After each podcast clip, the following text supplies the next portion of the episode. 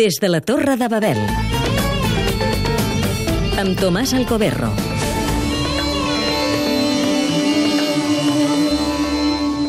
He llegit un llibre magnífic sobre Qatar, Qatar, le secret de Coffrefort, dels periodistes francesos Christian Chernot i Georges Malbrinot, aquest últim col·lega de Le Figaro i brillant expert de l'Orient Mitjà. És un llibre valent, on, per exemple, s'explica com a través de la diplomàcia del talonari, aquell país tan petit de tan sols 10.000 quilòmetres quadrats, però riquíssim i molt fràgil, compra la Lliga Àrab, intenta subornar el ministre d'Afers Estrangers de Rússia perquè no faci servir el seu dret de veto del Consell de Seguretat de la ONU sobre el conflicte armat de Síria o fomenta les rebel·lions de les organitzacions integristes islàmiques contra els règims del nord d'Àfrica, del llevant mediterrani i fins i tot del Mali.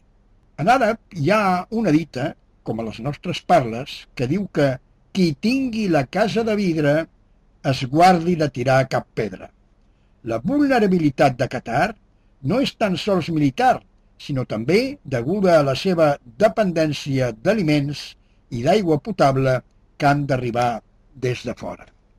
El príncep Hamid Ben Khalifa ha volgut convertir aquella península carregada de pous de petroli i de reserves de gas per molts anys, fins i tot dos o tres segles, en una potència internacional, exposada també a les venjances dels seus enemics, com el govern del Bashar el-Assad, a qui el príncep vol enderrocar amb totes les forces.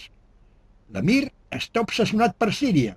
Diuen els diplomàtics que l'acusen d'haver segrestat la Lliga Àrab per imposar la seva política a Líbia i després a Síria.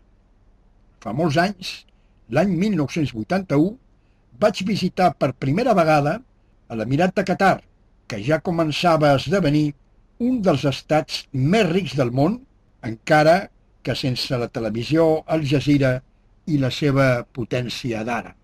Qatar, amb la seva propaganda, el seu impuls a l'esport, a la cultura, a la diplomàcia, amb la seva riquesa incalculable, vol dominar l'Orient Mitjà. A tots els invitats de llavors ens van regalar al final del viatge un rellotge de la marca Rolex. Des de la Torre de Babel.